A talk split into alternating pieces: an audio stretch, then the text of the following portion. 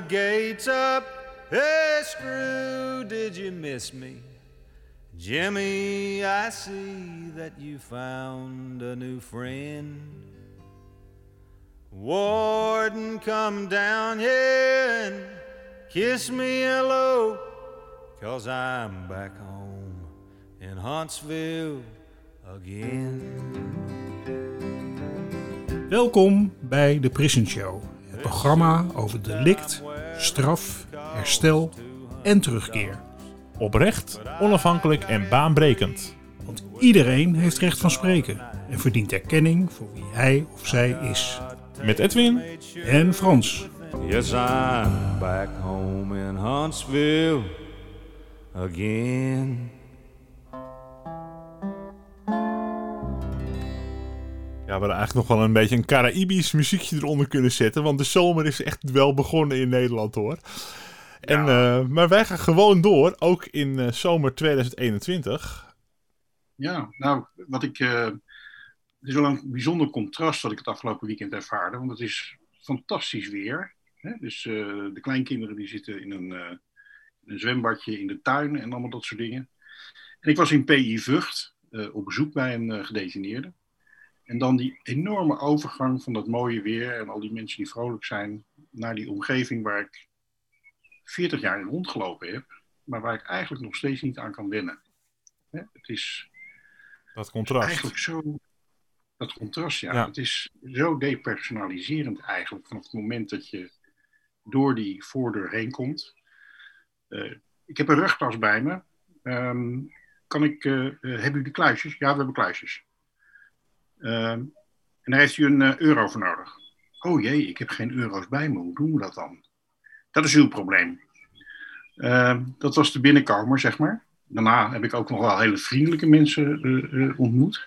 PIW'ers die bij het bezoek waren. Maar ja, die zaal en dan achter dat, achter dat glas. Ik vond, ja, het is toch. het is geen fijne omgeving, een gevangenis. Dat, dat viel me op.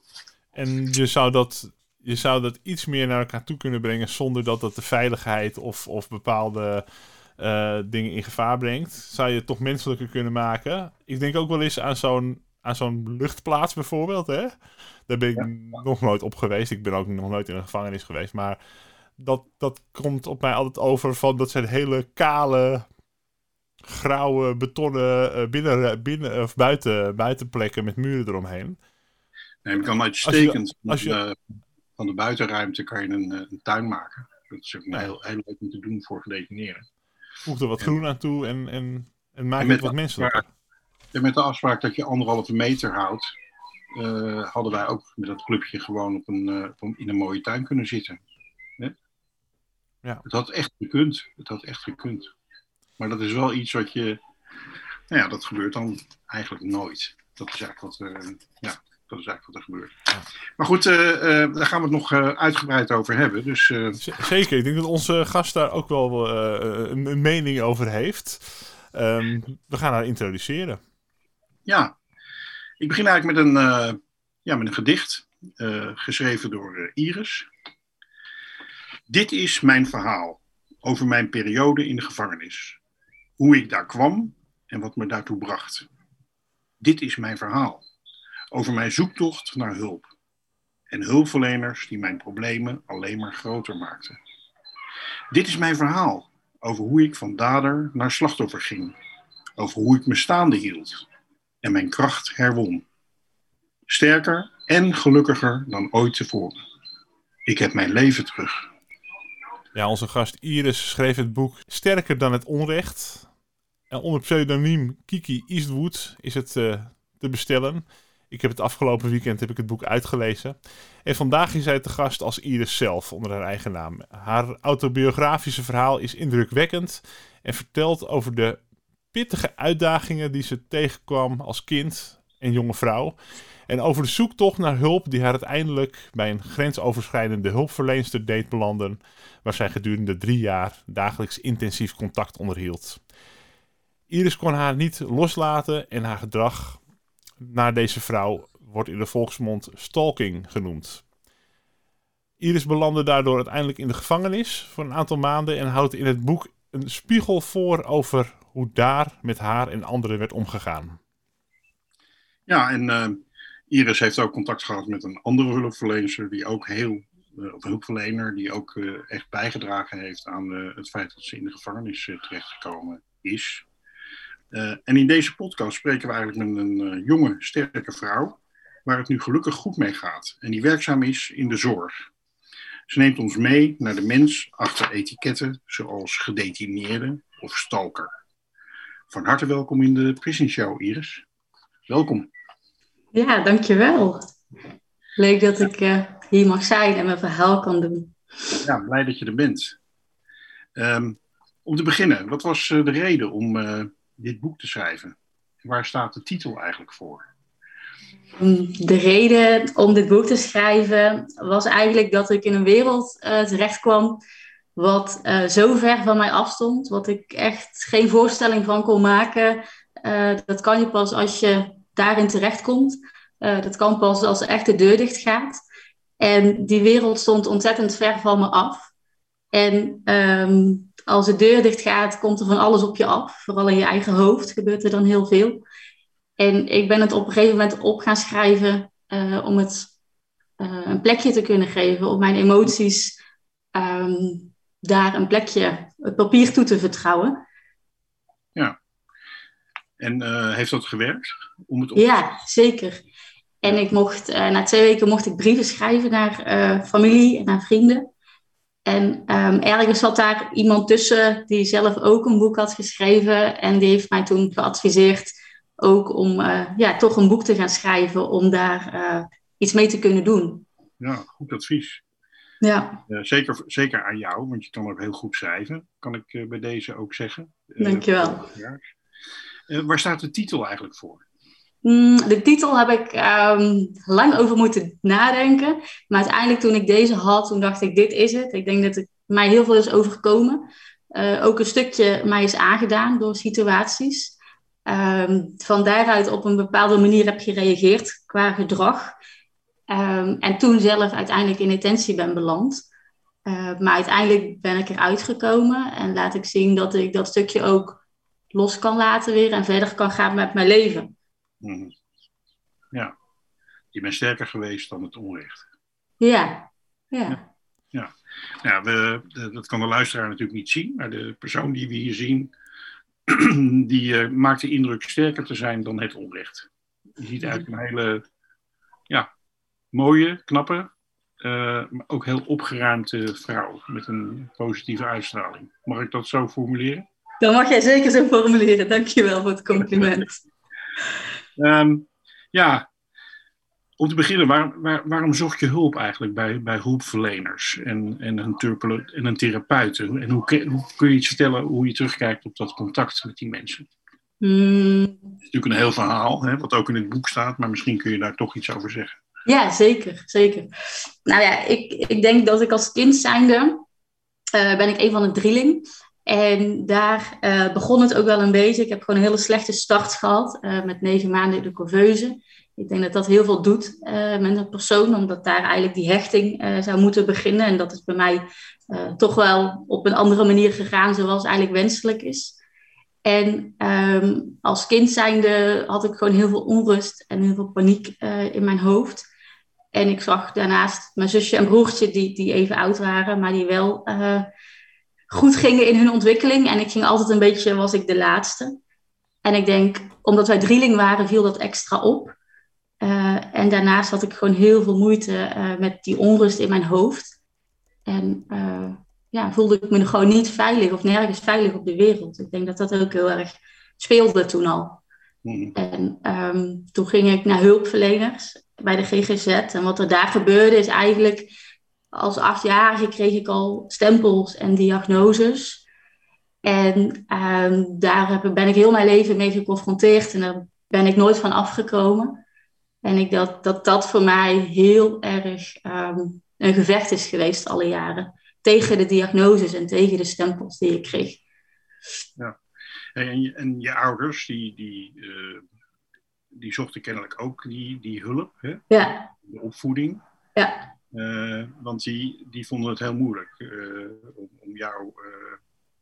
om jou op te voeden, om het zo maar te zeggen. Ja, ja klopt. Ik, ik denk dat ik wel ehm, af en toe soms al uit de bocht vloog. Ja. En ik denk dan met drie kinderen die in dezelfde leeftijd zitten, dat dat eh, best wel voor een bepaalde dynamiek zorgde thuis. Uh, wat moet ik dan aan denken? Aan, aan driftaanvallen of dat soort dingen? Uh, of waren er andere dingen? Ja, ook. En ook heel veel competitie onderling. Mm -hmm. Dus het was constant wie haalt de beste punten, wie is met zwemles het eerste voor A en B. Ehm, constant keken we naar elkaar en was er competitie. Ja. En was er strijd.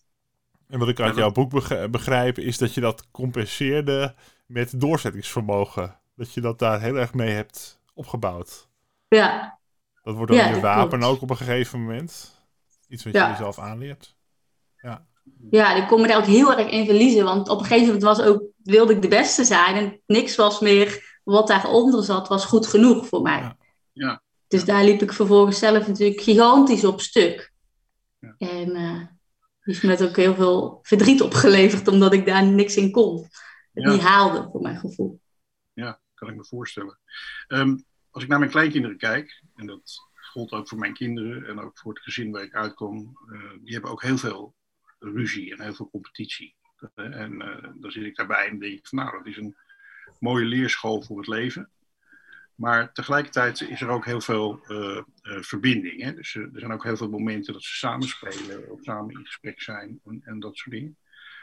Heb je daar ook herinnering aan? Dat, of was het bij jullie echt een, een, een voortdurende competitie? Heb je ook dat soort ervaringen met je broers en zussen? Ik heb zeker ook eh, mooie herinneringen en die verbinding gevoeld. Ehm, maar toch was er ergens altijd wel ehm, die, die onrust in mij en die competitie. En eh, was er ook op veel momenten geen verbinding. Ja. Ja. Ja. Dat zat het in de weg, zeg maar, als het ware. Ja. Ja. Ja, en daarnaast heb ik denk als kind zijn ook heel snel door die diagnoses laten zien van jij bent anders Ja, eh, dan de anderen. Ja. Dus, dat, dus dat speelde ook constant nog mee. Zo van, ik, ik ben toch anders en ik ben toch niet helemaal compleet. Of het, er is toch een stukje anders in mij. kan ik me voorstellen. Heel voorstelbaar. Ja, toen kom je op een gegeven moment bij hulpverleners terecht. Ja, dat is wel een hele, hele episode geweest hè, in je leven. Ja. Deze mensen.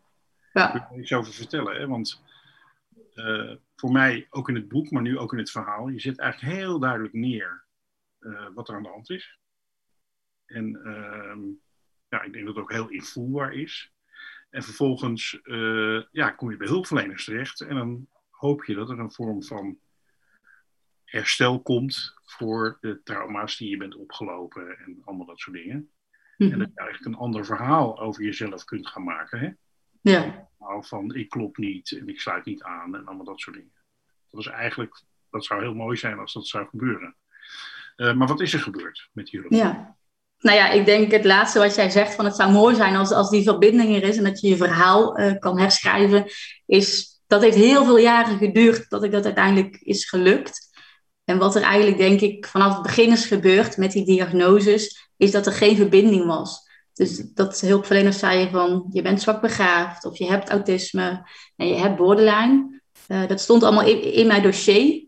En van daaruit werd die behandeling eh, vormgegeven. Ehm, terwijl ik heel vaak heb gezegd dat dat niet zo is. En ik schopte uiteindelijk ook tegen de diagnoses aan. Eh, maar dan werd dat nog een keer die bevestiging voor hun. Maar kijk, zie je, dit is dus het gedrag van als je borderline hebt of, of als je autisme hebt. Of, op een gegeven moment kreeg ik ook geen therapie meer, omdat ik dus verstandelijk beperkt zou zijn. Eh, terwijl dat allemaal niet zo was. En, en daarin heb ik mezelf zo ja, voorbij gelopen. Ik wist op een gegeven moment, ik was zo machteloos en zo eenzaam dat ik niet meer wist hoe ik eigenlijk de hulpverlener kon bereiken. Ja. Om met mij mee te gaan kijken en om naast me te staan en om echt te kijken wie, wie ik ben. Ja, als ik alleen al die diagnoses hoor, ik weet niet wat jij ervan vindt, eh, Edwin. Maar dat is eigenlijk ongelooflijk. Als je eh, gewoon met jou in gesprek bent Ja. alleen al. Dat, dat die diagnoses zijn gesteld. Ja, Ja, het, het is ook ehm, eh, zo makkelijk om iemand in een hokje te zetten. Maar dan, wat er dan heel vaak gebeurt, is dat er dan nooit meer verder wordt gekeken. Omdat je al een definitie hebt. En het is ook wat ik ook van uh, naasten weet in mijn omgeving. En ook en wat ik in jouw verhaal terugzie. Je gaat hulp zoeken. En dan is het een enorme zoektocht. Want je moet ook net een klik met iemand hebben. Er moet een, iemand zijn die jou begrijpt of echt naar jou kijkt of luistert. En dat kan soms een enorme zoektocht zijn. Sommige mensen vinden hem heel snel, die persoon. En andere mensen, voor andere mensen is dat een enorme tocht en hopen er ooit te komen. Ehm, dat komt ook steeds terug. Dat, dat, een hulpverlener is niet per se belangrijk, maar de uh, hulpverlener die bij jou past. Ook. Ja. jou pakte het dan nog eens een keer heel vervelend uit, hè? In het contact met de hulpverlener. Misschien wil je daar iets meer over vertellen. Ja, klopt. Nou, ik had al echt al misschien wel 25 hulpverleners gehad, uh, waar ik gewoon geen klik mee had en die mij niet als iris zagen, maar meer uh, met de diagnoses. Dus dat werkte niet. En toen uiteindelijk uh, kwam ik uh, bij een mevrouw uit die het 180 graden anders deed. Dus die maakte wel de verbinding. Uh, en die had wel dat huiselijke, dat warme gevoel. waar ik in het echt wel heel goed op ging ook. En wat heel snel zorgde voordat er meer rust in mij kwam. Dus daar was ik heel blij en dankbaar voor. maar daar ging het uiteindelijk ook na twee, drie jaar ehm, mis. Of in ieder geval iets waardoor ik weer uit de bocht vloog, is dat zij ook te dichtbij kwam. Dus ook elke keer benoemde dat ze altijd beschikbaar was. Uh, dat ik haar 24 uur per dag zou mogen bellen. Uh, dat, ze al, dat ik altijd bij haar welkom zou blijven. Dus oneindig therapie. En die beloftes die zorgden ervoor dat ik daar veiligheid door ervaarde. Dus ik dacht, oké, nu heb ik iemand gevonden die en die warmte geeft en die verbinding en die mij nooit los zal laten. Dus daar ging ik heel goed op. En daardoor uh, bouwde ik ook weer een stukje leven op. En ik groeide echt uh, ook in, in mezelf. En ik kreeg de rust. Uh, totdat daar ook weer een, ja, het, het niet helemaal waar kon maken wat die beloftes waren. Ja. Ze noemde zich je, jouw nieuwe moeder, hè? Ja. Ja. Ja. Um, nou, is dat niet altijd iets negatiefs. Hè? Ik bedoel, mhm. een eigen moeder. En mensen mogen ook kiezen uh, wie hun moeder mag zijn, of wie hun kind mag zijn en dat soort dingen. Hè? Dus ik, dat idee, dat, uh, dat, dat wijs ik op zich niet af of zo. Alleen, het is, als je eenmaal dat, uh, dat zegt, dan moet je nogal wat waarmaken. Hè? Ja. Lijkt me. Ja, klopt. De moeder is niet de eerste, de beste. En een kind is eindeloos loyaal naar moeder. Mm Dat is nou eenmaal zoals we in elkaar zitten. En dat is ook ja. een kind verwacht van de moeder. Hè? Op het moment dat hij uh, moeder is. Ja. Dus dat is, dat is wel heel, heel naar moet dat geweest zijn. Dat blijkt ook wel uit het boek hoor. Dat dat uh, zo geëscaleerd is en ook uh, dat dat gewoon helemaal niet uitkwam. Dat het helemaal een, een belofte was die eigenlijk niet waargemaakt kon worden. Ja, ja, en dan, dan ben je zoveel um, beloftes verder. Hè? Want ze beloofden ook van, oh, je mag straks in mijn kliniek werken en je mag dit. En als ik op vakantie ging, dan kwam zij daar ook op, op bezoek. Dus de, de, de grens, denk ik, van afstand nabijheid uh, was in, in dat stukje was er niet. Uh, en ik denk dat dat wel aan de hulpverlener is uh, om dat stukje te bewaken en juist ook die grenzen aan te geven van ik heb een vrije avond, morgen ben je de eerste. Weet je, ik denk dat, dat, dat je dat mag verwachten van een hulpverlener. En ik denk dat ze mij daardoor juist had geleerd om het ook zelf op te lossen. En nu leerde ik juist van, uh, ik heb haar elke dag nodig uh, om overeind te blijven, om het leven aan te kunnen, om met de pittige dingen in het leven om te kunnen gaan. Ja, ja dus dat is een heel destructief proces. Ja, ja. Nou, en toen, uh, en toen escaleerde het, hè? Ja, klopt. Toen uh, kwam de iris tevoorschijn die ik uh, mezelf niet meer kan herinneren. Ik weet alles nog supergoed. Maar ik kan me nu, hoe ik toen tekeer ben gegaan in schelden, in bedreigen, in constant toch ook wel dat destructieve gedrag naar haar toe, maar ook naar mijn omgeving. Ik weet het nog als de dag van gisteren, maar ik kan me niet meer herinneren dat ik die grens over ben gegaan. Of dat ik dat stukje ook bij mij hoort en heb laten zien. Dus, dus voel je het, voelt dat een beetje als een andere persoon? Zo klinkt het. Ja, ja. hè, dat je een ander Ja. op dat moment. Ja, 100% voelt dat eigenlijk als een andere persoon. Terwijl, dat kan me wel voorstellen dat je dat, dat zo voelt. Eh, maar aan de andere kant ben, was jij het wel. Hè? Ja, Dus, dus eh, ja, hoe je dat dan een plekje geeft, dat, eh, dat weet ik dan niet. Ehm, door het schrijven van het boek, denk ik. ja, want ehm, ik kan me heel. Ik bedoel, ik heb natuurlijk ook in mijn, in mijn, in mijn, in mijn werk en zo. Heb ik, heb ik heel vaak meegemaakt dat mensen eigenlijk geconfronteerd werden met een volstrekt andere persoon. Hè, met name in de delictsituatie. Mhm. Dat is eigenlijk een kenmerk van veel delictsituaties, is dat mensen gewoon het contact verliezen met zichzelf, zeg maar. Hè? En, met hun, Mhm. En dan zo- zonder enige remming gewoon Tekeer gaan. hè, Tekeer gaan. weer gaan. En dat kan soms hele ernstige gevolgen hebben. Mhm. Dat is bij jou gelukkig niet gebeurd. Eh, maar, ehm, en dan is een van de grootste puzzels is eh, je realiseren dat, ja, dat je dat ook kunt zijn als mens. En ik moet je heel eerlijk zeggen dat hoe, hoe vriendelijk ik zelf ook ben, zeg maar, en, Mhm. en goed geland en goed op mijn eigen vierkante meter staat, Mhm. eh, ik weet dat er zo'n persoon ook in mij zit, zeg maar. Hè? Ja, Waar ik Ja. af en toe goedemorgen tegen kan zeggen, maar die ik gelukkig niet meer hoef, eh, hoef mee te nemen. nee. Nee, ja, ik, ik denk dat iedereen ook dat in zich heeft. En ik geloof er ook in dat het gedrag wat ik heb laten zien, als je bij de mensen op de verkeerde knoppen drukt, eh, dat iedereen daartoe in staat is. Daar ben ik van overtuigd. En het maakt niet uit eh, wie je bent of wat je doet. Eh, iedereen heeft dat in zich. En het ligt eraan als er op bepaalde knoppen wordt gedrukt, de triggers. eh, dan kan iedereen dat overkomen, denk ik, wat ik heb laten zien. Ja. En is het juist de kunst om daar dan mee te dealen en er niet voor weg te kijken, denk ik. Bij- Ja, dat vind ik fijn dat je dat zegt, want er zijn natuurlijk allerlei beelden over mensen die, eh, die, die doen wat jij gedaan hebt. Hè. Dat is dan bijvoorbeeld stalken en dat soort dingen. Stalken, Mhm. dat is onbeheersbaar, er zijn televisieprogramma's over. En noem het allemaal maar op. Ja, En eh, zoals jij het nu vertelt, eh, eh, komt het voor, voor mij een stuk dichterbij. Als gewoon een, een uitingsvorm die niet zomaar ergens vandaan komt. maar. Er is een, een reden en een oorzaak waarom dit gebeurt. mhm. Ja. Ja, ik zeg ook altijd dat, zeg maar, eh, sommigen zijn drankverslaafd of hebben eetproblematiek. En dat is ook een soort coping eh, om met de emoties en wat, wat eronder zit om te gaan. En in mijn situatie had ik geen drankprobleem of had ik geen eetproblematiek, maar ben ik gaan schelden en bedreigen. En als ik stopte met dat schelden en bedreigen, dan kreeg ik weer die emoties of kreeg ik last van eh, de paniek en de onrust die er was. Dus die dynamiek, dat, dat was echt de giftige cocktail waar ik in zat, waar ik niet in mijn eentje uitkwam. Terwijl op dat moment wel de deur ook dichtging eh door die hulpverlener.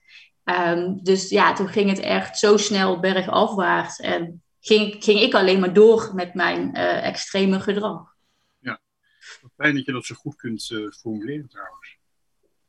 Thanks. Eh, ik merk dat dat. eh, het boek is natuurlijk, heel, dat vind ik echt een heel goed boek geworden. Dus het is ook echt een aanrader voor de, voor de luisteraar om het te gaan lezen. Omdat je ook taal geeft en woorden geeft aan eh, wat er precies gebeurt. En dat, je kunt het ook heel goed vertellen. En dat is eh, ja, echt heel belangrijk. Ja. En ook inspirerend trouwens. Nou, dankjewel. Ik Of- hoop dat mensen het eh, ge- ge- geïnspireerd geïnspireerd raken. Het gaat ook over het eh, systeem heel erg. Eh, als ik het boek lees, dan denk ik niet alleen in jouw verhaal, maar je omschrijft ook andere mensen die je ontmoet, eh, bijvoorbeeld in de gevangenis. Waarbij ik denk, deze mensen horen niet in een gevangenis, die hebben gewoon hulp nodig. En door dat systeem, door ze in dat systeem te zetten in een gevangenis, maak je het alleen maar erger. voor die mensen, maar ook voor ons als maatschappij, want wij moeten met die mensen ook weer door. Eh, eh, dat is een constant pleidooi. En ook een constant pleidooi van: kijk nou echt wie iemand is en wat echt iemands verhaal is. Dat is eigenlijk de, de grote kern van dit, van, van dit verhaal. Het komt ook meerdere keren in heel veel voorbeelden terug. Ehm, wat kun je zeggen over ehm, ja, het verschil? Wat, wat is een goede manier om mee om te gaan? Bijvoorbeeld in je tijd in de gevangenis. waren er verschillende mensen die eh, moesten werken daar natuurlijk. Ehm, dan heb je ook hele verschillende ervaringen mee, hè? Ja. Ja, dat uh, kan wat zijn, soms wat echt zijn goede heel ver... ervaringen en wat zijn nou, hele slechte voorbeelden van ervaringen? Ja. Ja, ik heb daar ook echt wel verbazingwekkend soms gekeken hoe daar eh, met mensen soms om wordt gegaan. En ik denk in eerste instantie uh, mag daar meer gekeken worden naar de mensen die daar zitten. Ik denk dat 80, 90 procent zelf slachtoffer is van een situatie. Dat heb ik echt met eigen ogen gezien. Dat er heel veel trauma is, heel veel verdriet.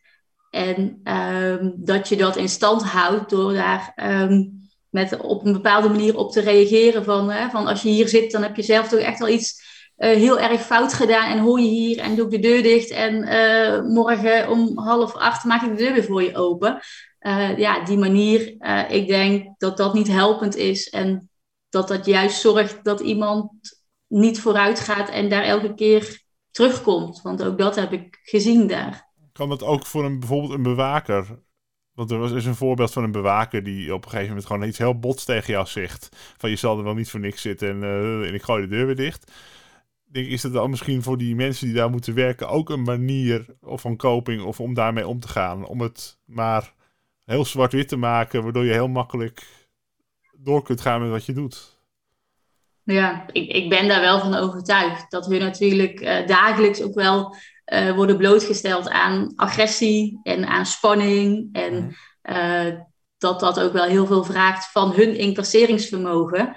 En als je daar dan uh, misschien 10, 12 jaar werkt, dat daar ook wel iets gaat knagen op een gegeven moment. En dat mensen dat minder kunnen. Ja.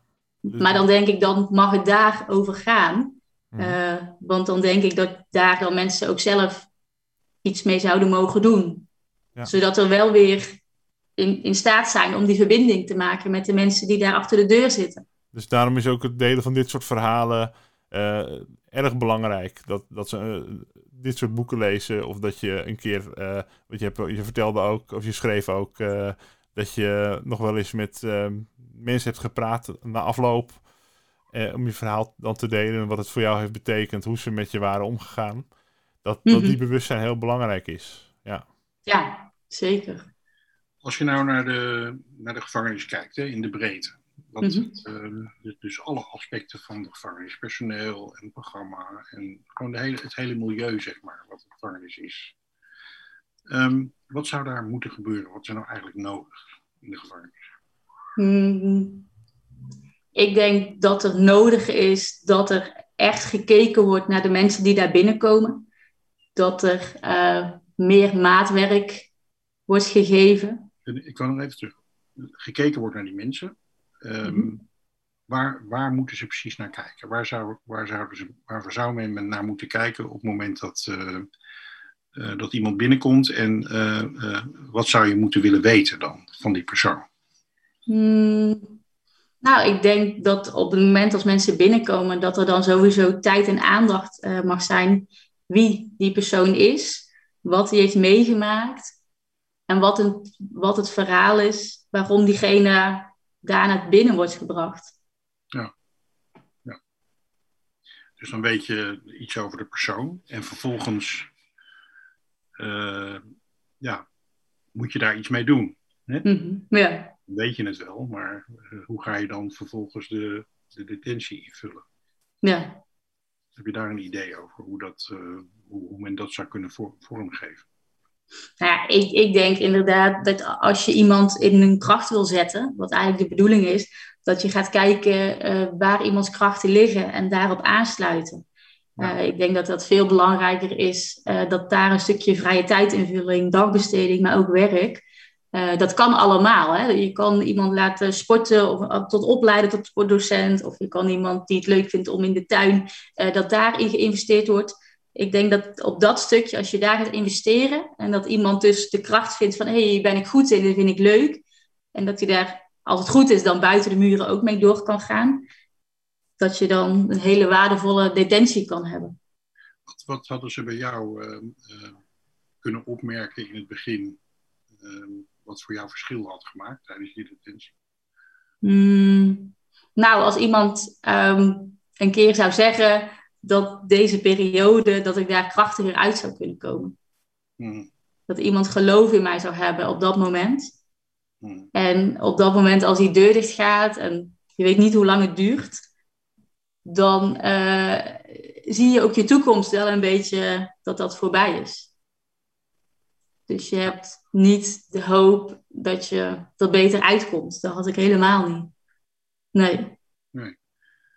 Dat is wel bijzonder eigenlijk, hè? Dat, dat zo iemand er niet was die dat tegen je zei.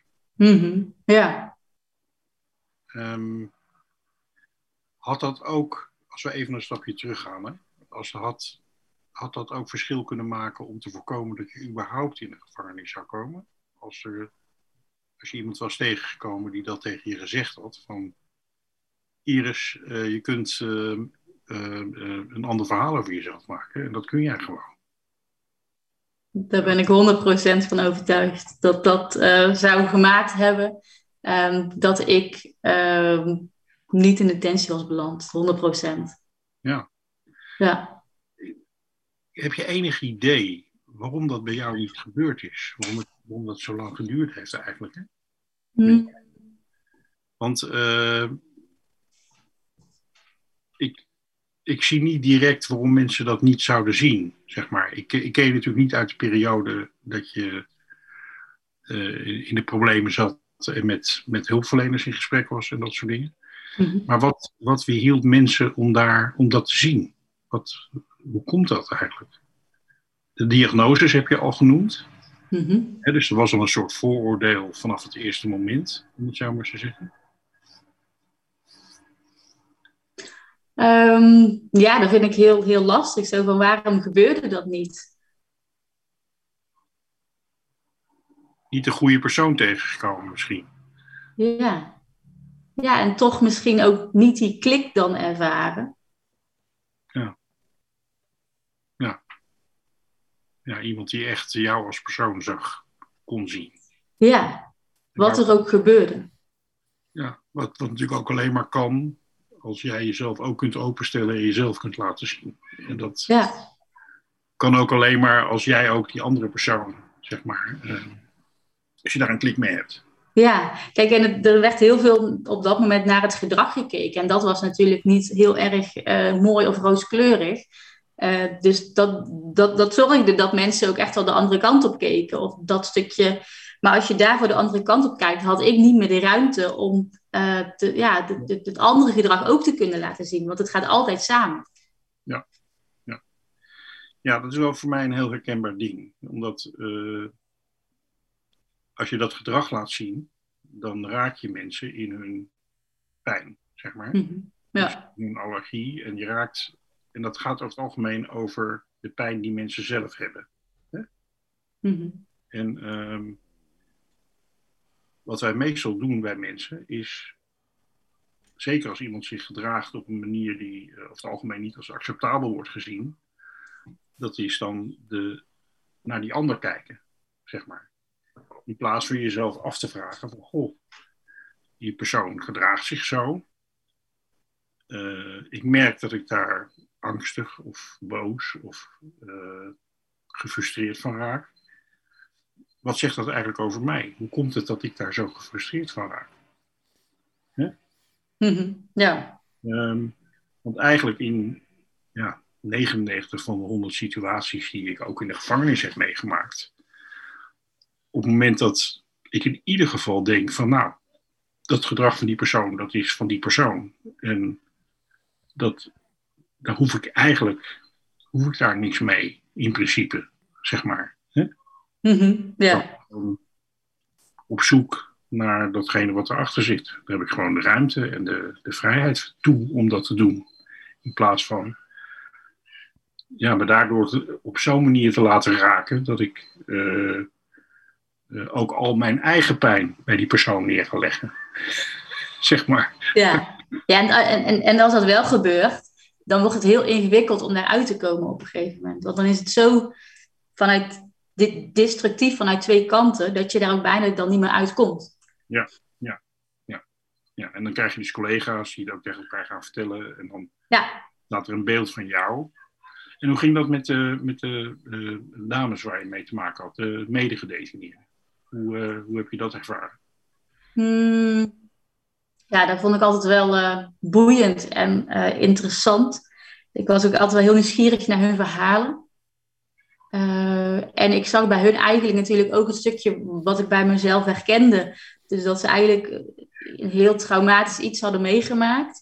En dat dat maakte dat ze daar terecht kwamen. Uh, dus dat was ook echt wel veel uh, ja, mishandeling, misbruik en veel niet gezien. Het waren allemaal die dingetjes die er zijn gebeurd, zodat iemand daar terecht komt. En ik vond dat heel erg, um, heel verdrietig om te zien. Het heeft me echt geraakt. Ja, ja dat kan ik me heel goed voorstellen dat dat, hoe, dat dan, uh, hoe dat dan gaat. Um, als je nou kijkt naar die gemeenschap hè, van, uh, van vrouwen in de vrouwengevangenis, mm -hmm. hoe, um, hoe, zou, hoe zou je daar een ander soort gemeenschap van kunnen maken, die veel meer zou bij kunnen dragen aan, uh, aan, aan het herstel en, en de terugkeer naar de samenleving? Om het zo maar te zeggen, herstel van die trauma's die een plek kunnen geven. Ja. Terugkeer naar de samenleving. Ik moet daar overigens bij zeggen. Ik was zelf, een van mijn inrichtingen was een tijd lang ook een vrouwengevangenis. Dat was namelijk Wien. Mm-hmm. En um, ik moet zeggen dat vrouwen, en dat zie ik ook in het buitenland, heb ik dat heel veel gezien, veel meer met elkaar een community vormen als mannen dat doen. Zeg maar. Hè? Dus mm-hmm. uh, is meer, uh, uh, er is meer aandacht voor elkaar en voor de sociale kant, om het zo maar te zeggen. En vrouwen hebben, nemen veel meer verantwoordelijkheid voor wat er buiten gebeurt, als mannen over het algemeen. He, voelen zich nog steeds veel meer verbonden met, uh, met het gezin waar ze uitkomen, of hun kinderen en dat soort dingen. Ja. Hoe, uh, als jij nou zelf die gevangenis zou mogen bouwen, hè? als ik tegen je zou zeggen, hier geld, zou ik dat kunnen zeggen. Iris, uh, uh, wil jij even een goede gevangenis maken? Hoe ziet die eruit? Um, dan zou die eruit zien met uh, sowieso meer hulp in de gevangenis. Dus wat heb je nodig om aan je problemen te werken? En dat er echt gekeken wordt van uh, wat iemand aangeeft aan hulp, wat hij nodig heeft. Want heel vaak wordt het niet gevraagd en wordt er een plannetje gemaakt door de hulpverlening. Maar ik denk dat er als eerste de vraag gesteld mag worden van wat denk je dat je zelf nodig hebt en hoe ziet dat eruit? Als, als die vraag, als daarmee gestart wordt, dan heb je een heel ander traject vaak. Um, ja. Ik denk ook als je mensen zelfstandiger laat zijn in de gevangenis, dat het ook heel veel uitmaakt in een stukje regie en autonomie. Um, en dat daaruit mensen ook kunnen groeien. In plaats van wat er nu vaak gebeurt, is dat ze gewoon niks of geen keuzes mogen maken en niks mogen beslissen zelf. Dat dat gewoon zorgt dat je je klein voelt en dat je je alleen voelt en dat het je allemaal maar overkomt. Je hebt geen grip op, op situaties. Dus als, als je het mij vraagt, zou ik zeggen: zorg voor meer zelfstandigheid daar. En zorg voor meer verbinding en meer groeimogelijkheden. Zodat mensen in hun kracht komen en stappen kunnen maken in de gevangenis. En dat ze dat mee naar buiten kunnen nemen, die stappen maken. Ja, wat je nu zegt, dat, dat is eigenlijk ongeveer ook wat uit ieder wetenschappelijk onderzoek komt. Hè, over de, de effectieve gevangenis. Het is ook heel goed dat jij als ervaringsdeskundige daarin ook eens een keer benadrukt. Een van de dingen die ook uh, uh, genoemd wordt, is contacten met buiten, vaak. Hè? Uh, kwamen jouw familie of kennissen bij jou op bezoek in de gevangenis? Ja, zeker. Je had um, één keer per week bezoekuur. Ik had de eerste twee weken zat ik in beperking, dus dan mag er niemand komen, mag je ook geen contact hebben. maar daarna iedere zaterdag een uur. En ja, dat weet ik nu als de dag van gisteren, uh, als dan mensen door die bezoekdeur heen komen. En je weet dat je dan een uur hebt om met je tante bij te praten, of een uur hebt om met familie of ouders of met vrienden bij te praten.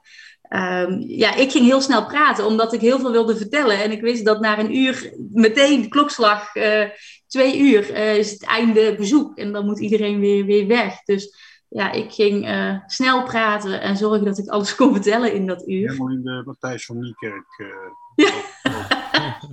ik zat echt te ratelen. En, uh, maar als ik daaraan terugkijk, is het ook wel um, heel verdrietig dat dat op die manier gebeurt.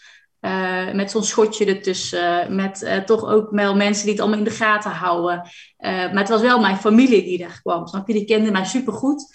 En wat jij in het voorstukje zei, um, had mijn familie ook die ervaringen met als je dan daar komt, dan werden hun eigenlijk ook behandeld als gedetineerden. Zo strak en oorbellen moesten af en hè, alles door zo'n detectiepoortje. Dus ook die ervaring voor die mensen, voor mijn familie en vrienden die daar kwamen, uh, die hadden daar ook wel vraagtekens bij. Van moet dat nou op die manier? Kan dat niet gewoon uh, wat normaler en wat zachter en wat menselijker, die omgang ook? Ja, ja, ja. Ja dat is een goede, goede opmerking ook om die, die te maken. Um, over het contact met de, de, de buitenwereld. Hè? Um, ik vond het wel heel bijzonder. Naast je familie um, begon je ook brieven te schrijven met iemand die je helemaal niet kende, volgens mij. Die heeft Ja. ook een nawoord, eh, een nawoord geschreven in het boek. Dat is Ja. Henk. Eh, Ja. hoe, hoe is het om dan zo'n zo'n briefwissel, eh, briefwisselcontact eh, opeens met iemand te hebben? Ja, dat was echt eh, fantastisch. Ehm, hij, hij, hij, heet eigenlijk Kees, hij heet Henk in het boek, maar hij heet Kees. En Kees heeft mij heel erg geholpen om echt ehm, bij mezelf te komen. En die heeft heel erg die warmte door die muur eigenlijk heen gegeven van ook eh, ja, echt naast me gaan staan van je kan het echt wel en ik, en ik geloof in je. Terwijl hij eigenlijk mij nog niet had ontmoet of niet daarvoor had gezien. Uh, maar het brieven schrijven, drie keer in de week, uh, heeft ook heel erg gemaakt dat ik verder kon, ook binnen de muren. En dat ik het op een rijtje ging, ging krijgen. Wordt een soort houvast, wordt het ook. Ja, Ja. ja. ik keek echt naar uit. Toen kreeg ik weer een grote envelop. En toen wist ik weer, oké, er zitten weer veel brieven bij voor mij. Oh, wat gaaf zeg. Ja. Ja, En hoe, was het, erg. hoe was het om hem te ontmoeten eh, na detentie? Ja, ook heel, heel, heel prettig, heel bijzonder. Ook omdat je elkaar dan eigenlijk heel goed kent. Want ik denk in die brieven eh, was heel kwetsbaar, was echt to the point. Dus ik draaide er niet, er niet omheen. Dus je hoeft dan ook, ook niks meer uit te leggen. Want hij steunde mij wat er ook was gebeurd. Ik zat in detentie, ik zat vast, ik kon geen kant op. En hij zei, je bent het waard of je bent oké. Wat, wat maakte het dat hij ehm, überhaupt brie- brieven ging schrijven naar iemand in de gevangenis die hij niet kende? Wat, wat, wa- waardoor is dat zo gekomen eigenlijk? Hij heeft ehm, mijn verhaal gehoord van een vriend eh, van hem. En hij voelde toen eigenlijk al van, ja, maar dit verhaal, dit, dit raakte hem van, ik voel onrecht, ik ga haar helpen. Zo van, ik, ik ga dit doen. Dit, dit is gewoon wat ik eh, te doen heb. puur, puur op gevoel. Dus niet iemand die al vaker dat misschien had gedaan, maar die gewoon dacht op gevoel van dit moet ik doen voor iemand. Ja, Ja, wat, wat is dat een heel bijzonder eh, vriendschap dan, lijkt me. ja, Ja. ja. Ja, en nu Ja, zie ik hem ook echt nog wel eh, regelmatig. En kunnen we erop terugkijken met een, eigenlijk een, een grote glimlach. Van ja, we hebben toch die Ja, ja. verbinding gevonden. En dat is dan blijvend, hè? En was ook een tante heel belangrijk voor jou, hè? Ja, ja klopt. Ja, die is echt eh, ook goud waard geweest in mijn proces. En nu nog steeds. En ehm, die heeft ook, vind ik altijd heel mooi. En ben ik heel dankbaar voor dat mijn tante mij nooit, never heeft veroordeeld op het gedrag wat ik heb laten zien. Ehm, die bleef Iris zien. En ik ben ook peetante van haar, een kindje. En ik sta heel dicht bij haar. En zij heeft ook altijd wel in mij geloofd. Van het komt uiteindelijk goed. En dat geloofde ik heel vaak niet meer. Maar nu zeg ik altijd, ik heb sinds 2019 het op de rit. En daar laat ik me ook nooit meer afpakken.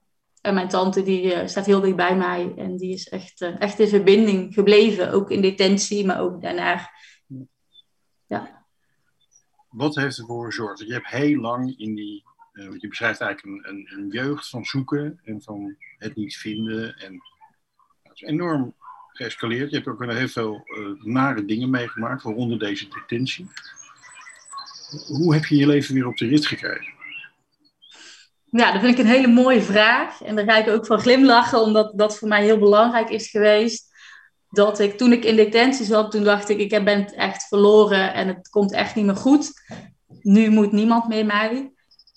En ja, ik kwam eigenlijk uit detentie. En ik had toen eh, net eigenlijk kennis gemaakt met een teamleider. Daar had ik één gesprek mee gehad. En Ehm, ik had hem gebeld na de detentie, want ik dacht, ik ga gewoon even vertellen wat er is gebeurd.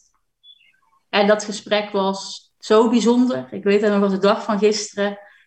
En na tien minuten zei hij in dat gesprek, ik kwam daar aan, ik had hem één keer gezien en hij zei, ja, weet je, iedereen maakt wel eens iets mee in het leven.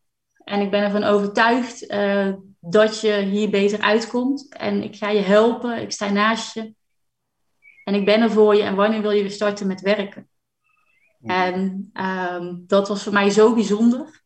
Want in mijn gevoel was er al lang was ik afgeschreven of zou ik nooit meer kunnen werken omdat ik een strafblad had. En hij uh, deed het tegenovergestelde van wat ik had verwacht. En hij zei daarbij ook van kom naar me toe als er iets is of als je me nodig hebt en ik ben er echt voor je. En ik denk heel veel mensen zeggen dat, hè, van kom naar me toe en ik ben er echt voor je. Maar hij heeft echt presentiegericht elke keer uh, die warme begeleiding geboden, die ondersteuning. Hij heeft zich aan zijn woord gehouden. En ik heb me aan hem opgetrokken en ik ben er daardoor sterker uitgekomen. 100 procent.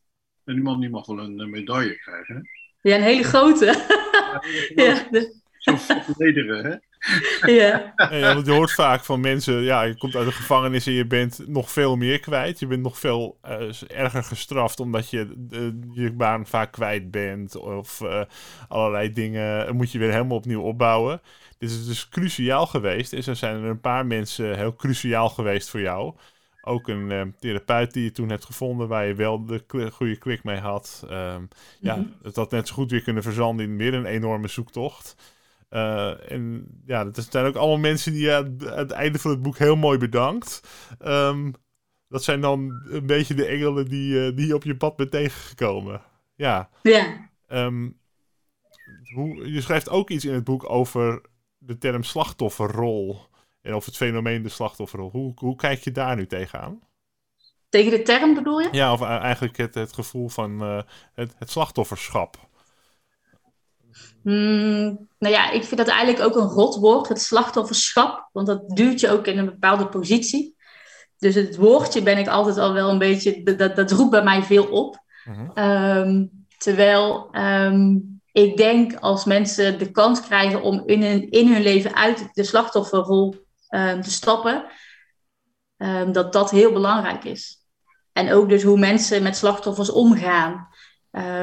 kijk, uiteindelijk was ik gedetineerd en daarna ook slachtoffer in een, in een periode van mijn leven. Hmm. Maar het ging er mij om hoe dan op de buitenwereld naar mij keek of, mij, of met mij omging. En ik denk als je dan het voorbeeld nam van mijn teamleider, die zag mij niet als slachtoffer, maar die zag mij als mens. Hij maakte op die manier verbinding met mij. En die behandelde mij gewoon zoals hij iedereen behandelde. Uh, en dat is voor mij heel belangrijk geweest. Om niet um, elke keer als slachtoffer nee. Kant, nee, want dan, dan, dan voel je ook dat je als uh, anders wordt behandeld dan anderen. En je bent uiteindelijk niet wat je is overkomen. Je bent uiteindelijk ja, wat, je zelf, wat je er zelf van maakt. En je bent een kapitein op je eigen schip, zeg ik altijd maar. Ja. Ja, ja en, en je hebt wel mensen nodig die jou in die positie -huh. laten staan hè, van, van die kapitein. En als je dan altijd een andere rol ingeduwd wordt, ga je je dus ook zo gedragen. En ja, dan is het einde zoek. Maar juist als mensen dus wel je laten voelen dat jij de kapitein van jouw schip bent, als je die mensen om je heen verzamelt, ja, dan, dan doet dat zoveel met je. Ja, één ding is wat ik heel erg, uh, wat, wat heel erg tot me doordrong toen ik jouw boek uh, las, dat was dat een mens heel veel is. Hè? Dat je uh, veel meer bent als slachtoffer, dader, aanklager, je geschiedenis, wat je gedaan hebt enzovoorts. Mm -hmm. En misschien wel honderd dingen, misschien ben je wel 500 dingen. Hè? Ja. Uh, als je dus naar een mens kijkt uh, en je realiseert je dat, dan geeft dat ook de mogelijkheid om, om op een gegeven moment iemand uh, helemaal te zien. Hè? Voor zover dat überhaupt mogelijk is. Hè? Ja. En um, nou, dat, dat pleidooi, en dat, dat blijkt ook uit je geschiedenis, en ook zoals je hier nu zit. Um, ja, wat, wat er heel erg aan ontbreekt, is gewoon kijken naar de mens. Ja. Ja, echt, echt, echt het willen zien en het omarmen ook van een stukje gedrag, wat er echt wel is geweest. Maar daardoor heen kunnen kijken en niet daarvan afschrikken, maar erbij blijven. En in verbinding blijven. En dus ook in verbinding met jezelf. Van, goh, als iemand dat gedrag laat zien, wat doet dat met mij? Maar daar dus ook eerlijk over zijn, in plaats van uh, het allemaal bij die ene persoon leggen. Want dat is niet eerlijk. Als je het ook bij jezelf houdt van, oeh, dit gedrag doet ook iets met mij. En daar serieus mee omgaan. je kunt er ook iets anders naar kijken. wat, je, wat ik ook heel vaak zie, is dat uh, als iemand zich zo gedraagt, bijvoorbeeld wel eens op een uh, ZMLK-school. Ah, ja. En die kinderen die uh, hebben ongelooflijk veel energie, die springen over de tafels heen en die vechten met elkaar. En dat is echt. Mm -hmm. Heel veel mensen reageren op zo'n situatie als van. Ehm, wanneer komt de ME binnen, weet je wel? Waar zit de ja. op? Maar je kan er ook naar kijken. En zo kun je ook kijken naar het gedrag dat jij hebt laten zien. Als een vrouw die eigenlijk, als je, als je die bekijkt in de context van wat haar overkomen is. Eigenlijk, uh, ja, ook, er zit ook heel veel vitaals en gezonds in de manier van reageren. Want je reageert op onrecht door het niet te accepteren en het gevecht aan te gaan. Mhm. Ja, precies. Uh, een roep om hulp. Mm heel veel energie heel veel activiteit. Ja. Ik denk, uh, jeetje Mina, wat heb jij hard gewerkt eigenlijk. Hè? Bedoel, ja. Ja. Dat allemaal te doen. Het is nu een stuk rustiger in mijn leven, inderdaad. Ja, gelukkig. Ja. nee, maar zo kan je er dus ook naar kijken. Ja, zeker. Je hoeft niet, uh, als, als iemand iets doet, uh, meteen het negatieve label te, te, plakken. Je kunt het ook gewoon erkennen als gewoon uh, menselijk gedrag wat ergens vandaan komt en wat ook een bepaalde functie heeft. Hè? Mm -hmm. Ja. Om het, ik denk om het te overleven, om het um, aan te kunnen, heb ik gereageerd zoals ik heb gereageerd. En daar kan iedereen van alles van vinden.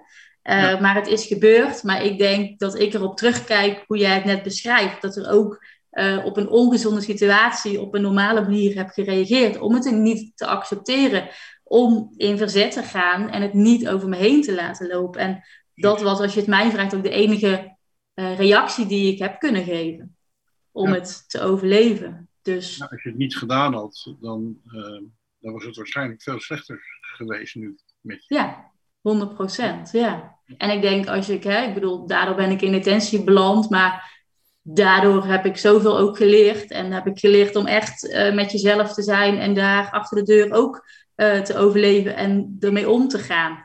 En na detentie zijn mensen op mijn pad gekomen die ik anders ook niet had leren kennen, die juist het, gezorgd hebben dat ik nu uh, het leven heb wat ik ervoor terug heb gekregen.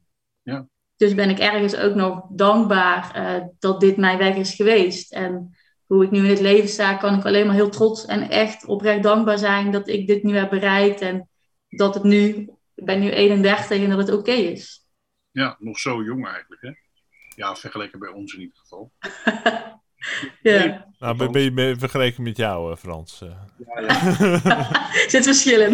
ik ben ook nog een dertiger hoor, uh, Frans, dus dat komt wel. ja, oké, Edwin. Wie moet je even van herstellen, denk ik? Nou goed. Nee, ik vroeg aan je. Oh, ja? Hoe oud ben jij, Edwin? Ik ben 39, Frans.